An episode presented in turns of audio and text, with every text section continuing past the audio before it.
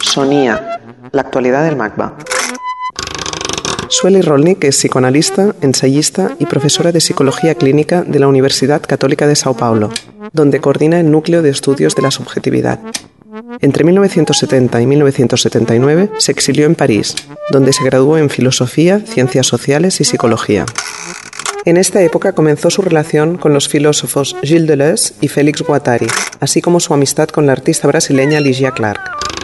Es autora de Micropolítica, Cartografías do Desejo, escrito con Guattari, y colabora regularmente con revistas como Multitude, Traffic, Chimère, Parquet y Trópico. Sunia habla con Sueli Rolnik sobre la dimensión ética, estética, política y clínica de la experiencia artística. Psicoanálisis, política, contracultura y creación. Mi relación con el psicoanálisis y con el arte, la verdad es que son totalmente indisociables estos dos campos, porque la verdad es que busco la misma cosa en los dos de distintas maneras. Yo empecé muy temprano participando muy intensamente de la contracultura, cuando era muy joven. La contracultura en Brasil ha sido muy fuerte, había mucha gente, no se conoce eso mucho afuera, ha sido un movimiento muy especial. Y lo que yo buscaba en la contracultura, lo que, me, lo que yo encontraba en la contracultura es algo que sigo persiguiendo siempre, que era esta posibilidad de hacer una de, de relacionar, de entender que hay una relación inmanente entre la subjetividad y la política. Y por otro lado, yo hacía, en la universidad yo hacía sociología y tenía, por supuesto, una formación marxista sociológica. Y esta formación, por un lado, muy interesante, por otro lado, para mí era muy insuficiente, porque para mí ha sido siempre mi objeto de pasión y de necesidad de plantearlo y pensarlo, esta relación entre el político la subjetividad y la creación. Yo fui presa por la contracultura, salí de Brasil en 70, fui presa en 70, cuando yo iba a empezar el segundo año de sociología. E, em Brasil, essas duas coisas eram um abismo entre elas, não só em Brasil, mas em Brasil isso era muito exagerado, porque tinhas de um lado os militantes, e nessa época que se foram guerrilheiros, e do outro lado os contraculturais, e isso não, não havia maneira de articular essas duas dimensões, que hoje eu chamaria de macro e micropolítica. Não? E quando eu cheguei a Paris de exílio, Paris, eu cheguei em Paris pós 68, 68 ha sido uma tentativa coletiva de articularlo, e eu logo, assim que cheguei, logo me encontrei com as classes de, de Gilles Deleuze em, Vincennes. E, paralelamente, eu conhecia Pierre Clastre, um antropólogo que se ha muerto muy temprano y que era muy amigo de Guattari de Deleuze, que hacía un trabajo en la antropología muy en esta dirección. Y encontré también a Ligia Clark, la, la, artista brasileña en la misma época. Y Pierre Clastre me presentó a, a Guattari. Y ese encuentro ha sido muy importante. El encuentro con la París post-68 con esta gente ha sido muy importante porque eso que yo buscaba inmediatamente eh, adquirió un sentido, ¿no? Y lo pude compartir. Represión de la subjetividad en la cultura occidental. El modo dominante de subjetivación, el modo dominante de funcionamiento de la subjetividad en la sociedad, en la cultura moderna capitalista burguesa, ¿no? Eh, impuesta al mundo por la colonización desde el siglo XV y que se consolida muchísimo en el siglo XVIII con el iluminismo, etc. A esta cultura y a ese tipo de sociedad corresponde un tipo de subjetividad que se organiza según el principio de la identidad, el principio identitario. Lo que quiere decir eso? Quiere decir que a subjetividade está reduzida a uma parte de suas potências, que são a razão, a inteligência, a consciência, o ego, os sentimentos eh, psicológicos, etc., a vontade, mientras que há toda uma outra não diria zona, porque não são espaços, mas todo um outro conjunto de potências da subjetividade, que na cultura ocidental, na cultura inventada por Europa Ocidental, a cultura moderna, se encontra bajo repressão. Mais que repressão la palabra represión es, es, la palabra que Freud utiliza para hablar de una represión inconsciente, ¿no? Contra el colonialismo de la moral. Y en cuanto ser vivo, el cuerpo humano está inmerso en el mundo también como materia viva en constante proceso de creación. Y ahí Freud llamaba la vida, eso recién lo redescubrí, que no começo de sua obra Freud chamava a vida plasma germinativo. Então, assim, como se a definição fundamental, essencial da vida é, é sua natureza de plasma germinativo, é decir, é essa constante potência de criação e recriação e reinvenção do mundo, que é a vida.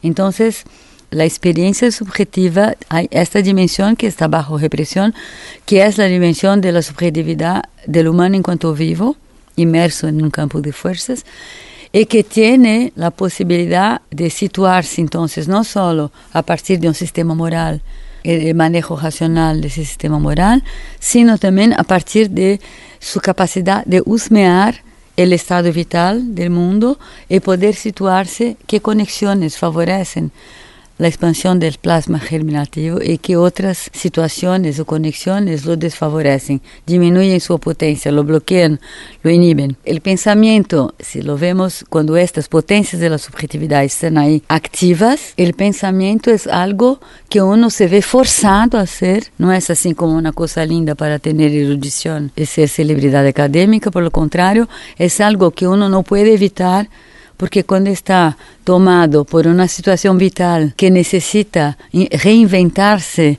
la configuración de las cosas para que la vida se desbloquee, entonces ahí uno se siente totalmente convocado a pensar.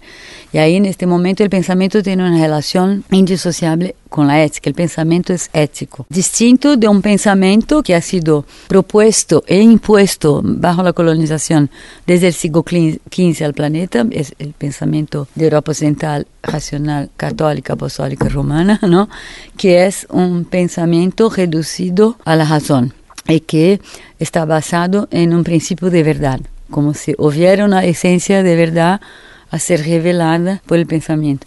Y esta es una posición vital mortífera, tóxica, fatal, enferma y que enferma.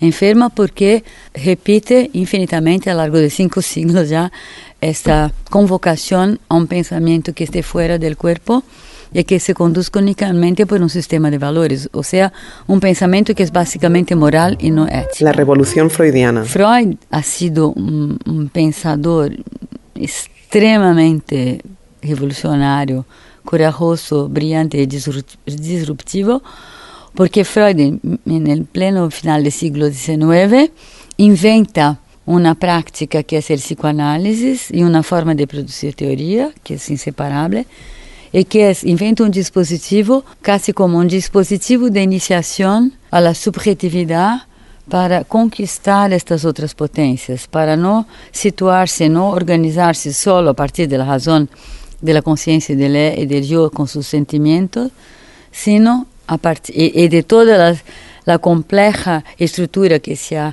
construído como para manter bajo represión este otro lado, que es la estructura neurótica o perversa, y reconvocar esta otra potencia del, ser humano, de su subjetividad, de pensar y conducir su vida desde ahí, de ponerse en conexión con su cuerpo vivo y de buscar las palabras que lo digan, que sean voz del vivo y no voz de la razón o la voz de los sentimientos o la voz de los sentidos únicamente, que sean la voz del vivo. Y ahí es que la teoría se produce también desde esa escucha. Então não há uma teoria universal de psicoanálise, sino que o que é universal em psicoanálise é que há que produzir teoria todo o tempo desde o que se escuta do estado vital das coisas no contexto onde uno está vivendo em seu tempo. Pero a história institucional de psicoanálise ha hecho muita regressão eh, no regresión de las terapias de regresión, ha vuelto hacia atrás en su práctica y en su continuo, claro, con excepciones maravillosas de grandes psicoanalistas que siguen haciendo eso. Pero lo que predomina en la historia institucional de psicoanálisis es seguir convocando a eso, lo que es muy importante, pero no para que se arme um decir, incluso, ou de, a existência de cada um, um decir conceptual desde esta experiência, que se lo invente, sino que se hace como lo que llamamos interpretosis, que es como uma infecção de interpretação, uma interpretação infecciosa, tóxica, que é projetar sobre, sobre, sobre lo que uno escucha a teoria inventada por Freud ou Lacan ou que seja. Então se perde o fundamental que é seguir pensando, não é seguir produzindo, não e não imitar a lo que o outro diz, porque é exatamente isto lo que Freud Ha rompido con eso con una inteligencia, una energía muy admirable. ¿no? Migraciones de ida y vuelta, arte contemporáneo y psicoanálisis. En 97 fui invitada por Catherine David para hacer dos conferencias en la Documenta y ahí, como siempre, no es mi conciencia que decide, sino mi cuerpo. Mi cuerpo migró radicalmente para el arte contemporáneo. ¿no? Yo estaba ya casada con el campo de las ciencias humanas clínicas hacía de 74 a 97, 23 años. Y ahí me separé y me casé con el arte contemporáneo y ahí, ahí estoy. Y la idea de mi migración hacia el arte contemporáneo es siempre por la misma razón. Es que en el campo psi, tanto el psicoanálisis como el campo de salud mental, esta discusión, esta, el campo estaba infértil para eso. E quando eu estive na documenta, sem saber o que estava passando, senti que aquele campo estava muito fértil para isso. Então, como isso é o que me move sempre, essa é minha paixão e não la, os campos que me permitem viver, Então, aí me movi hacia o arte contemporâneo. Para terminar, eu que agora me vuelve um desejo de retomar um pouquinho meu matrimônio com o psicanálise, porque encontro que o psicanálise, entendido como ciência humana clínica, aquello que el psicoanálisis hace, puede hacer en la cultura, en la vida social, es muy fundamental eh, porque justamente es anticolonial en el sentido que es un dispositivo que tiene la posibilidad de activar estas fuerzas, uh, estas potencias de que yo hablaba, y que, el, que el neoliberalismo las convoca, pero biopolíticamente, para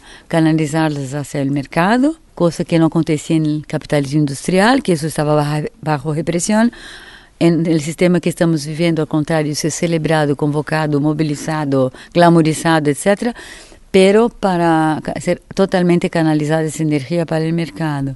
Então, estamos num momento onde é muito importante intervenir nesse plano. E o que eu sinto é que estamos num momento de la não tão pós-colonial quanto nos gustaría, quanto imaginamos, pero que hay como un campo fértil para movilizar esto. El pensamiento como acto creativo. El pensamiento es un proceso de creación y no de revelación. Entonces, y el pensamiento puede actualizarse en conceptos, en un campo teórico, puede actualizarse en obra de arte, puede actualizarse en un modo de existencia, puede actualizarse en obra de arte en todos los ámbitos, musical, cinematográfica, plástica, etc. O que importa acá é pensar que o pensamento funcionando segundo um, um, parâmetro mais bem estético que racional. Aí o planteio se a forma é importante ou não, e que se a forma é importante é formalismo, é tudo falso problema, porque a forma é importantíssima, há muitas políticas de produção de uma forma. A que estou reivindicando acá, e que tem a ver com a ética, primeiro, há um rigor de estar en esta escucha, es un rigor de hacerse cargo con la vida y hay un rigor de la búsqueda de manera de decirlo con la voz del vivo. Y ahí la forma en las formas de decirlo es absolutamente fundamental. Y cuanto más feliz es esta forma, cuanto más precisa para decirlo, más poder tiene de contaminación. De la macro a la micropolítica. En los 60 es verdad que se hablaba mucho de la relación entre psicoanálisis y política, también se hablaba, el arte también se habló mucho de política, se, se ha hecho muchas prácticas artísticas, políticas, pero creo que ahí es muy importante en el ámbito del arte distinguir lo que es uh, un arte que se pone como vehículo de mensajes macropolíticas, ou seja, um arte militante, um arte panfletário, que tem seu valor, não? Por isso não tem nada a ver, de meu ponto de vista, com aquilo que pode o arte em sua máxima radicalidade, e que aí sim é político em outro sentido, não no sentido de veicular temas macropolíticos, é fazer trabalho de conscientização, que isso, isso é pedagogia. Lo que pode o arte é justamente quando o artista consigue decir su obra desde la voz del vivo, es decir, desde la manera como el estado de cosas vital compartido colectivamente está, está en su cuerpo, cuando es eso que se presenta en la obra, que puede ser pintura, escultura, instalación, performance, video, abstrata, figurativa, lo que sea, cuando eso está ahí, eso tiene un poder de abrir de convocar estas potências em la subjetividade do espectador, ou seja, de intervenir em la operação la mais perversa de la cultura ocidental do ponto de vista micropolítico, que é esta operação de reprimir esta a experiência estética do mundo e a possibilidade de pensar desde aí. A dimensão clínica do arte. Eu falei acá que há uma dimensão ética, uma dimensão política e uma dimensão estética totalmente indissociável. Creio que faltou falar um pouquinho Entonces, ¿dónde está la dimensión clínica de eso? Y para mí no hay acto de pensamiento o de acción. Si es de verdad como lo estamos describiendo, es siempre necesariamente clínico también porque siempre está liberando la potencia vital de algún impedimento, de algún bloqueo, está reinventando canales para seguir el proceso de creación. Está interviniendo en la interrupción o en la disminución de fuerza del plasma germinativo. Entonces es político y es clínico, necessariamente. E é estético necessariamente por esta ideia de que vem desta experiência estética do mundo e o pensamento vem como um decir desde aí. E é ético porque está o tempo todo sendo-se responsável, não no sentido moral, em sentido vital, da vida mesma em sua essência. Magba.cat